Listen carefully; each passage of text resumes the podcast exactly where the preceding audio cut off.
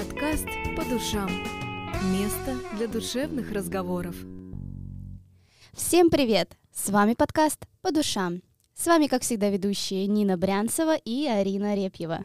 И сегодня у нас в гостях нутрициолог Катрин Шейн, с которой мы обсудим тему расстройств пищевого поведения. Очень важную, как и все, в принципе, наши темы, которые мы здесь обсуждаем. У нас не бывает неважных тем.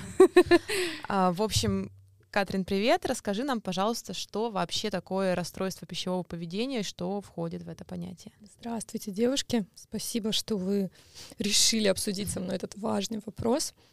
А, ну, прежде всего, расстройство пищевого поведения — это психологическая проблема mm-hmm. человека, да, которая так или иначе связана напрямую с питанием. Да? Именно поэтому э, нутрициология — это тоже одна из э, частей, скажем, точнее, одна из частей работы нутрициолога — это mm-hmm. работа с расстройством пищевого поведения. А, что вообще входит в понятие РПП? То есть, э, на самом деле, вот это понятие РПП, оно сейчас как будто бы такое очень модное, да, что девушки, когда какие-то истории начинают рассказывать, что говорят, я вот страдала РПП, РПП там, РПП сям. Что вообще входит в это понятие? То есть как...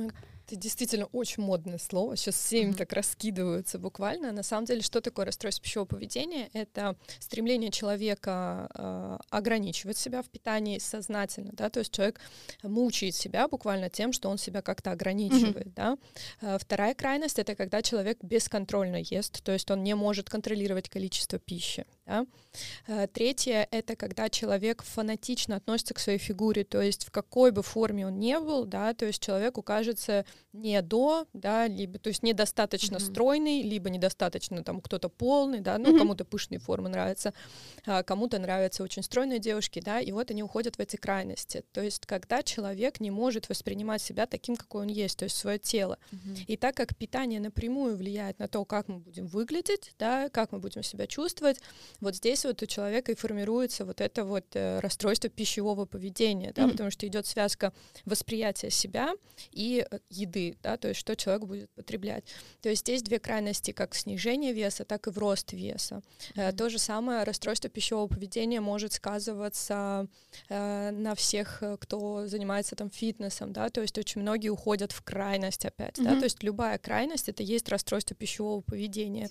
И я бы к расстройству пищевого поведения относила не только отношения именно с едой, mm-hmm. но и, в принципе, отношения к здоровому образу жизни. То есть как только там появляется вот это слово фанатизм, да, когда mm-hmm. человек уходит в какую-то крайность, а, здесь у нас появляются проблемы.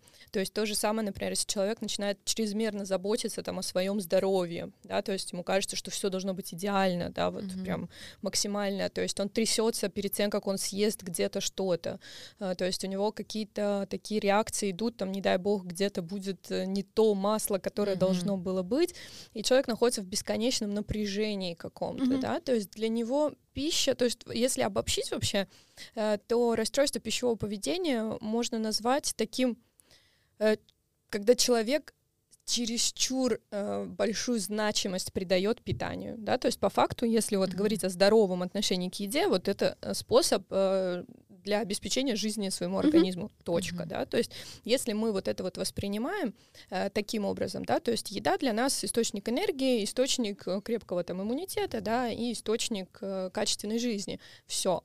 Но когда мы еду начинаем воспринимать как источник эмоций, как источник там вот этой вот идеальной какой-то фигуры, да, mm-hmm. которая вот прям идеальная должна быть. Все, здесь начинается уже расстройство, и здесь уже человек уходит в какие-то э, проблемы со своим головным мозгом, да, то есть в плане именно не проблем в том, что у него голов, с головным мозгом что-то такая проблема, именно психологического характера, mm-hmm. да, отношение к себе меняется. Mm-hmm. Так, а как вообще, ну, часто, может быть, тебе обращаются с таким запросом? Или же у тебя просто, может быть, э, клиенты обращаются просто с просьбой наладить свое питание? Или вот именно приходят и говорят, Катрин, все, я не могу, у меня РПП, я, я, я подыхаю. Вот здесь как раз-таки кроется правда, скажем. Во-первых, 80% э, людей страдали, либо страдают mm-hmm. расстройством пищевого поведения. То есть какой-то период жизни все равно каждый человек переживает вот эту вот э, историю, да, когда mm-hmm. он начинает там следить за этими калориями, да, считать белки, жиры, углеводы. Этого быть не должно, да, то есть это не норма. Если только человек не готовится там к соревнованиям да, Мгм. по фитнес-бикини, да, Мгм. либо там бодибилдингу. Вот. э, Человек, у которого есть действительно расстройство пищевого поведения, он навряд ли об этом сам знает. И поэтому они не придут с запросом на то, что помогите мне избавиться, у меня есть расстройство пищевого поведения. Люди не осознают этого. То есть так же, как человек там в депрессии, он никогда не узнает о том, что у него депрессия. Он никогда не скажет о том, что у него депрессия, он до последнего будет думать, что все в мире плохо, как бы из-за меня, да. Но он не будет выводить на уровень сознания, что это из-за того, что у него депрессия, да. Нет, то же самое здесь. То есть он будет винить всех вокруг этот человек, он будет винить себя, да, он будет эм, раздражаться от того, Мгм. что еда не такая, как должна быть, да. Вот, и э, как еще мне, где мне еще брать эмоции, кроме как в еде, или там вот когда человек говорит, ну я вообще не могу жить без сладкого, да, то есть Мгм. когда вот приходят и говорят, что если вы мне скажете, что нужно убрать сахар, а, то я сейчас кого-нибудь ударю, да, то есть, ну все, это но человек не приходит с запросом «помогите мне исправить, э, у меня есть расстройство пищевого поведения». То есть это другой процесс. То есть человек приходит с проблемой, и задача специалиста, то есть меня выявить, э, что эта проблема кроется не в том, что он ест там огурцы с помидорами, да, а их нежелательно совмещать, там, да, А. либо он грибы там на ночь ест. А вопрос в том, что у человека психологическая проблема, и здесь нужно с ней работать. Мгм. Слушай, у меня такой вопрос сейчас возник. Э, Возможно, это не, не совсем про расстройство пищевого поведения, а возможно, и про это. А У меня есть много знакомых, которые, ну вот, не едят мясо не потому, что они вегетарианцы, или не потому, что у них там идеи какие-то, не потому, что они не так решили, а просто вот а, как нет, объясняют, я не могу. Вот я не могу есть мясо. Мне вот как-то это противно, у меня там рвотный рефлекс и все такое. Это является каким-то звоночком, что что-то не так? Может еда просто так, ну, вызывать какое-то отвращение?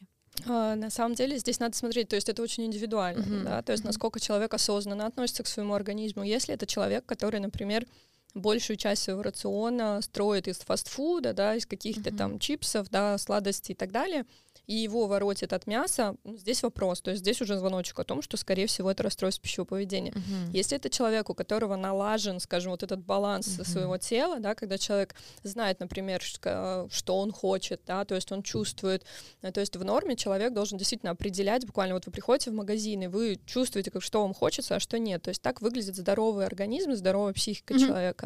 Но когда это идет вот опять в такое, что совсем фу, совсем вот Ну нет, да.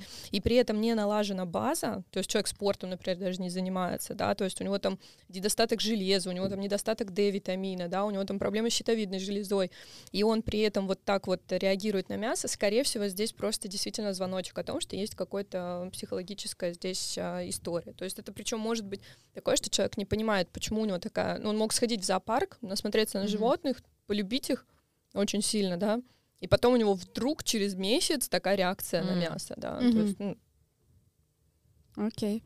А почему вообще могут возникать а, проблемы с РПП? ну, Точнее, здесь- почему может возникать РПП? Здесь а, самое первое это детство, да, то есть все Мгм. идет из детства, все корни растут. Ох уж это то- детство. Знаете, мне кажется, вот э, я все слушаю, слушаю наши подкасты, Каждый да. второй подкаст про детство. Детство во Да. всем виновато. А как-нибудь можно как бы избежать, может быть, детства? У меня задается один такой вопрос, типа, какого фига, почему в детстве мы хапнули столько проблем, и во взрослой жизни мы не можем с ними справиться? Да мы потом, знаете, мы прожили детство, потом всю взрослую жизнь разбираемся с детства. Это все выглядит. А, Но на самом деле это просто фронт работы, да, его просто нужно понимать. И вот касаемо питания, здесь несколько аспектов. Самое первое это когда мама кормит ребенка по графику.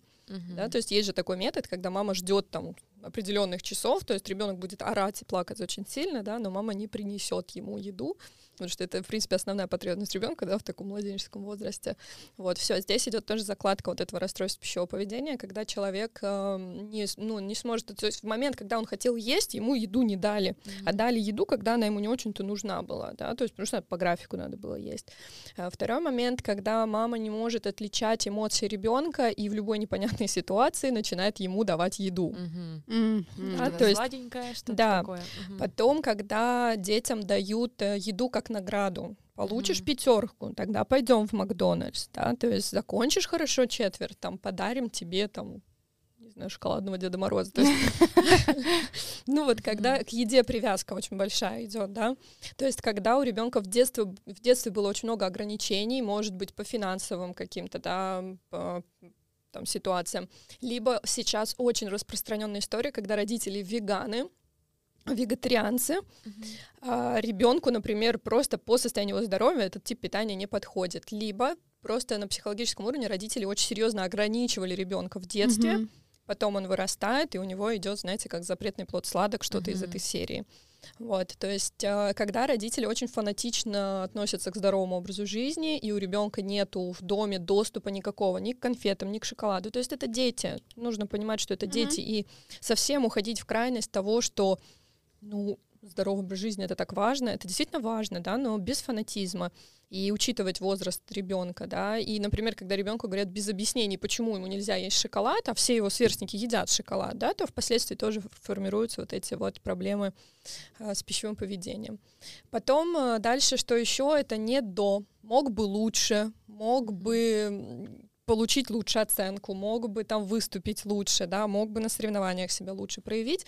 А потом отно, человек, например, у которого там вот анорексия развивается, mm-hmm. да, это тот человек, который вот недостаточно, да, он недостаточно стройный, там, недостаточно там идеальный, да, и вот этот перфекционизм, который зарождается, опять же, в детстве, он потом переносится в то, что человек э, слишком серьезно воспринимает вот эту свою форму, как он выглядит, да, и, под, и у него стирается как бы реалии, да, mm-hmm. реалии того, как есть на самом деле.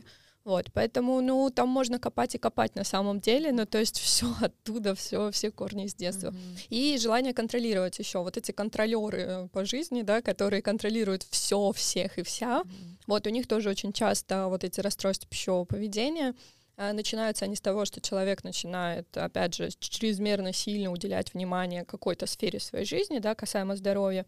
Вот, и вот это вот контроль чрезмерный, да, он тоже проявляется в расстройстве пищевого поведения. А есть ли, может быть, какие-то группы риска или какие-то предпосылки, а, если, ну, вот мы видим своего ребенка, да, и вроде мы как-то его не ограничиваем, вроде как и не привязываем, да, его, его оценки, да, или какие-то достижения к еде.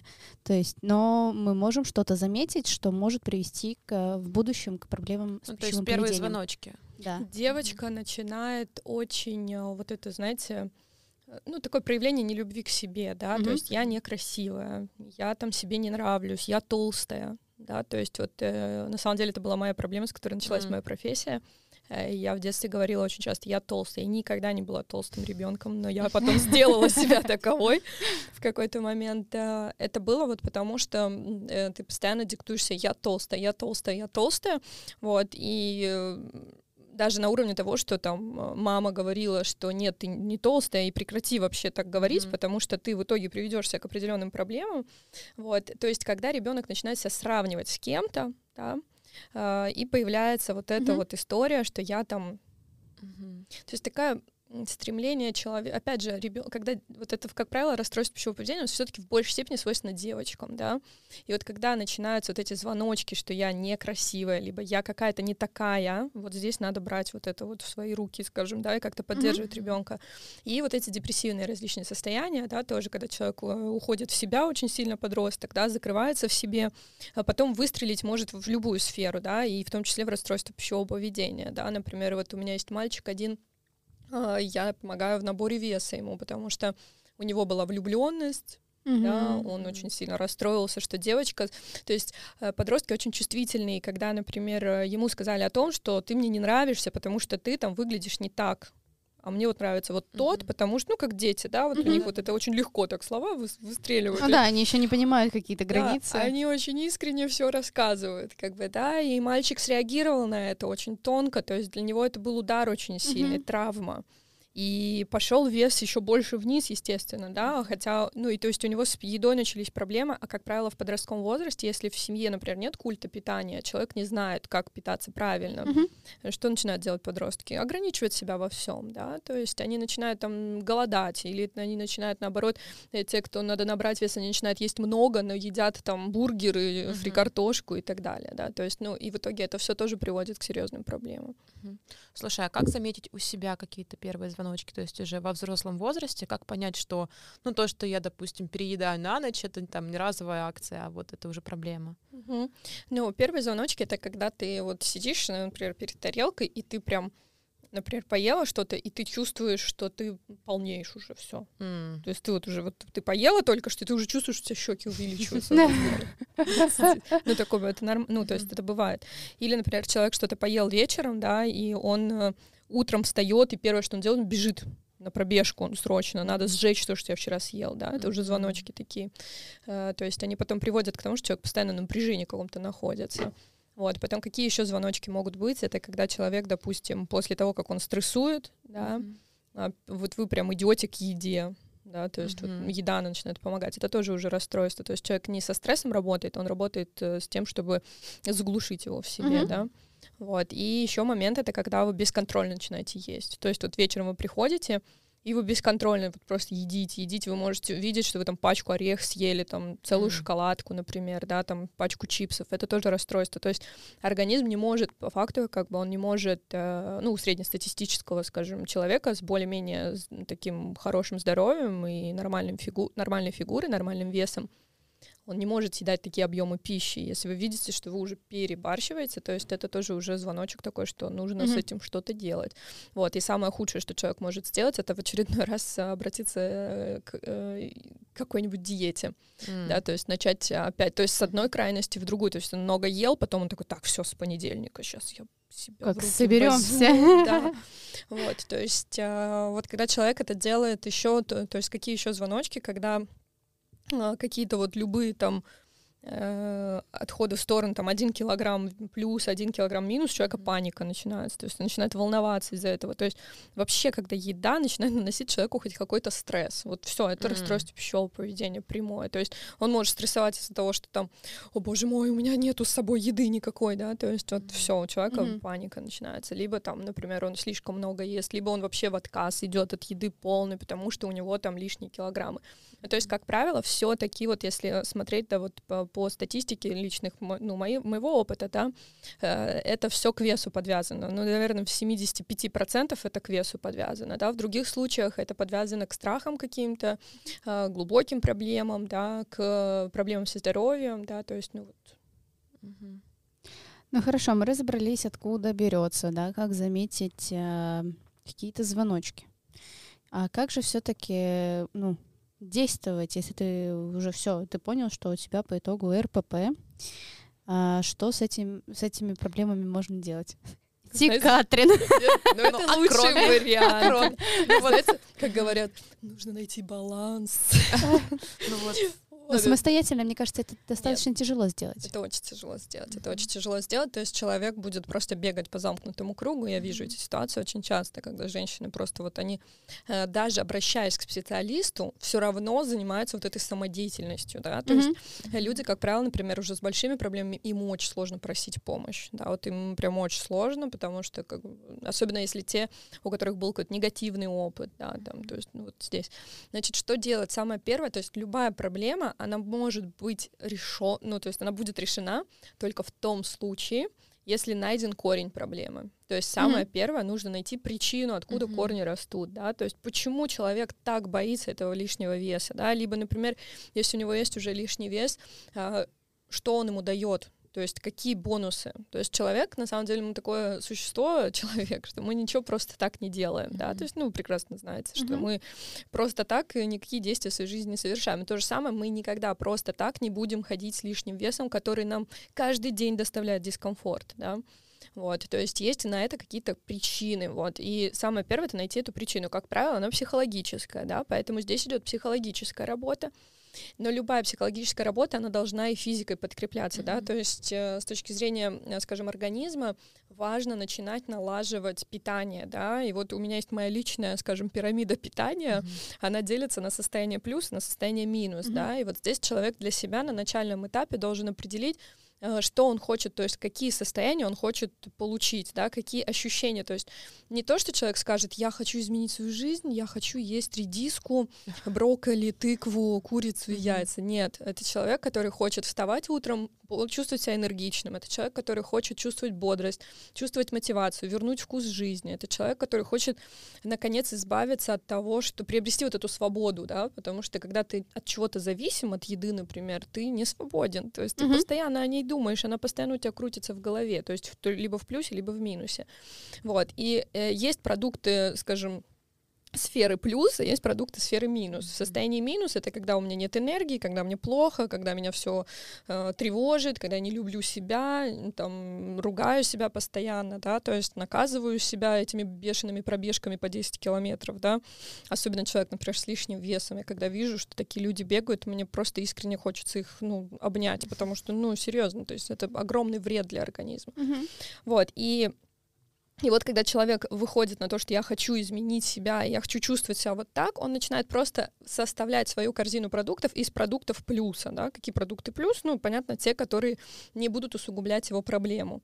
Вот. Э, это, естественно, там ну, здоровая пища, условно говоря, там белковые продукты, да, там овощи, жиры, масла различные, орехи, да, то есть так далее. Вот, но это не должно быть э, у человека создавать ощущение, что он сел на диету. Нет, mm-hmm. то есть здесь на уровне выбора вот этого, mm-hmm. да. Но, но человеку с расстройством пищевого поведения в первую очередь нужно прогнать, скажем, несколько э, там сессий, да, с э, работой психологической, да, mm-hmm. и только потом подвести его к тому, что а давай-ка теперь попробуем поменять питание там с минуса на плюс, да вот, и тогда оно начнет работать. Вот, ну и, конечно, начинать подкреплять, то есть э, физической активностью хотя бы базовой какой-то, да, прогулки на свежем воздухе, вообще задаться должен человек, вот с точки зрения там работы с телом, именно физической, задаться вопросом, а что мне вообще доставляет удовольствие на самом деле, да? А люблю ли я на самом деле сладкое, либо я люблю больше соленое, да? А нравится ли мне больше жирная пища или там не жирная, да? Какие продукты я на самом деле люблю, да, которые вот меня как-то удовлетворяют, mm-hmm. да? А какая физическая активность мне больше подходит, да? Потому что очень многие не задумываются над этим, они просто делают, потому что, ну все же сказали, что йога это хорошо, да, но mm-hmm. то, что она мне не нравится, вообще никого не интересует. Да, да, да. Либо идите в зал тягать все железо, да, либо там. бегайте, как Либо ты сказала, бегать. Да. Нет, а самый первый вопрос, а что мне лично нравится? Может, этому человеку на зумбу он пойдет и за два месяца 10 килограмм 15 потеряет, да, либо наоборот, там пойдет куда-то, и у него эмоции жизненные переключатся на что-то другое, и он избавится от того, что он там пищу его воротит от еды, да. Вот. И ну вот это, наверное, основные такие моменты. То есть, и, конечно же, обогащение, то есть, когда э, человеку нужно, э, если это не глубокие, скажем, такие проблемы, да, там никак мы не говорим сейчас о булимии, анорексии, mm-hmm. например, да, а более такие вот житейские какие-то проблемы, э, то в этом случае человек должен, конечно, занять себя чем-то, то есть найти интерес к жизни, потому что, как правило, при расстройствах пищевого поведения очень большой процент жизни занимает вопрос о еде, mm-hmm. очень большой, то есть о еде, о своей фигуре, о том, как я выгляжу, да, то есть э, слишком, то есть там 30%, 35% мыслей направлены туда. Uh-huh. Чтобы от этого уйти, нужно это чем-то занять, то есть пазл поставить туда какое-то хобби, не знаю, занятие, uh-huh. пойти кататься на лошадях, я не знаю, ну что, что, что угодно. Слушай, ну мы сейчас обсудили, как с этим бороться, и я так понимаю, что это не так-то просто. Целом это достаточно большая работа над собой, э, возможно, там с привлечением специалиста какого-то, возможно, это даже недешево выйдет.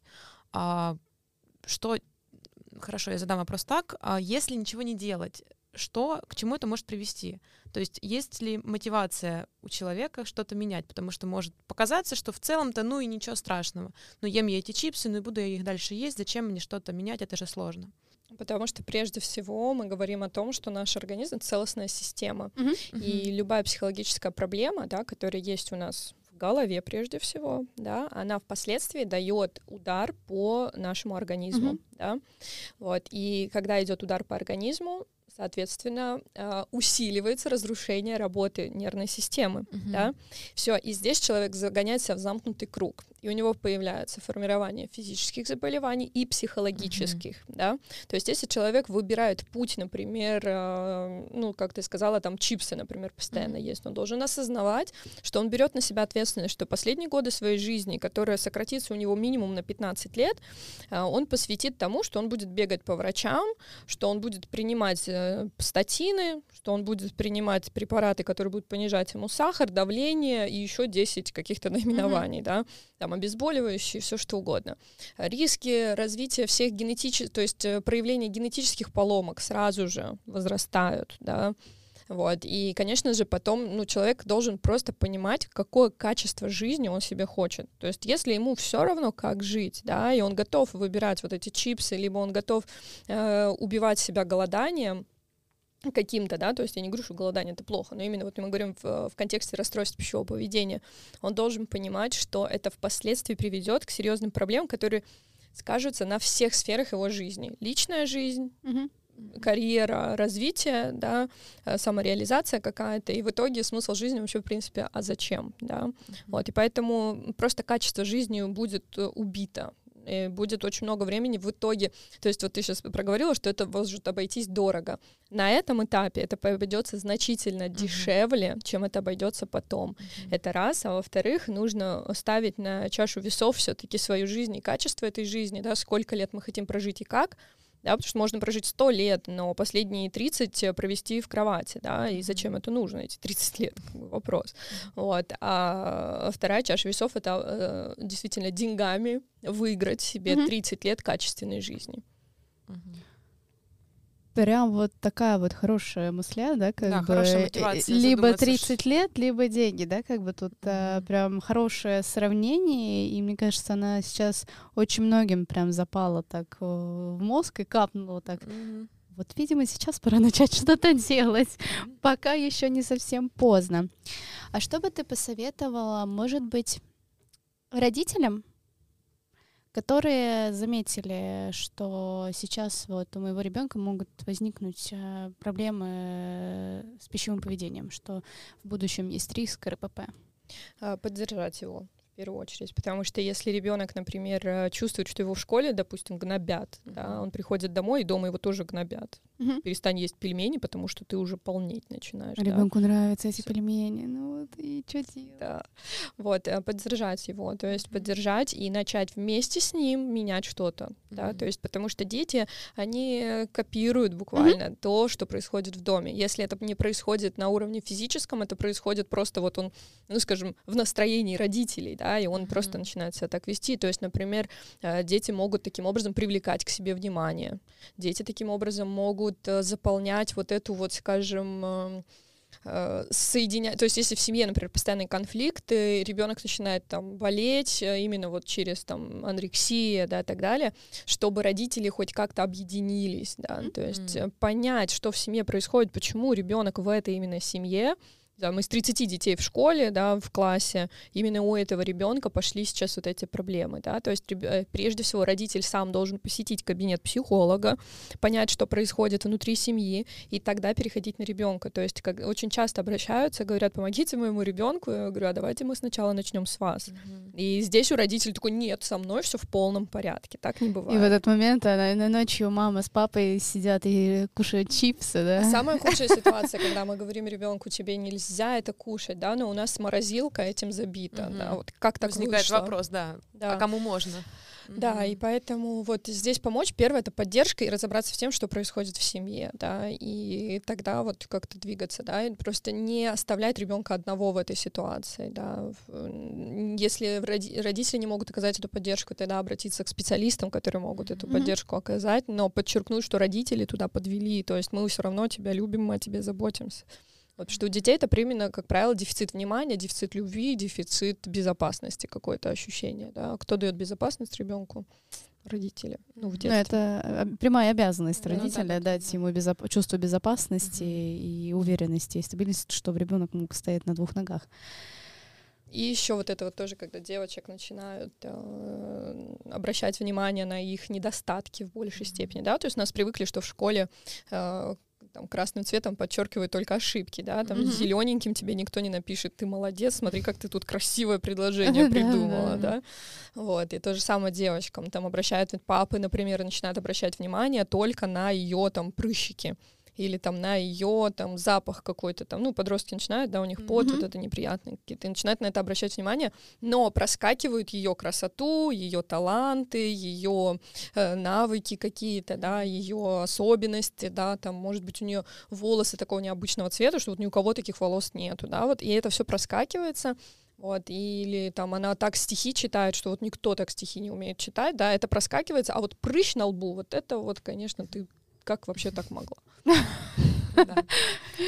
Абсурдно.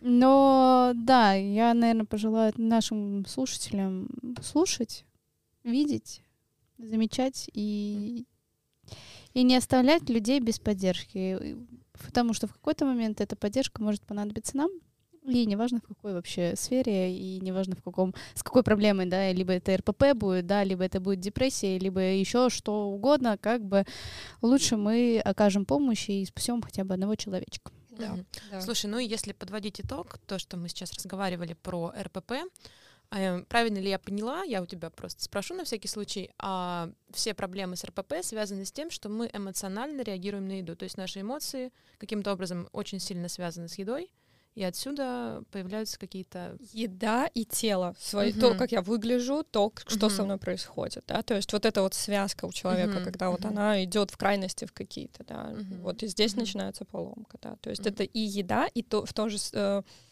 еда, она формирует вид тела, да, вот, mm-hmm. и здесь вот, вот эта связка, да, именно мой внешний вид, да, мое тело и пища, да, и вот, и вот здесь вот уже разные вариации вот этих вот моментов, mm-hmm. вот, и эмоции, конечно, сюда тоже, то есть не только тело, то есть тело мы э, берем не только как вот э, там толстый живот, mm-hmm. полный живот или очень худой живот, а и мозг, то есть как я себя воспринимаю, да, да, да, да то есть да, это, естественно, тоже важно, да. Mm-hmm.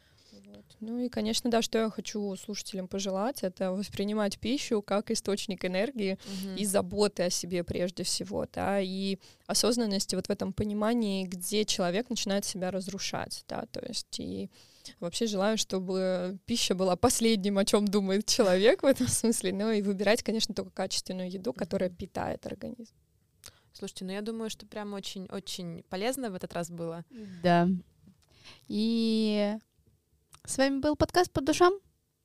Слушайте, у нас всегда полезно, интересно и и мы всегда с вами готовы обсудить то, что вы, может быть, боялись обсудить ранее. И мы это сделали за вас, поэтому подписывайтесь, слушайте. Ну, а с вами был подкаст по душам.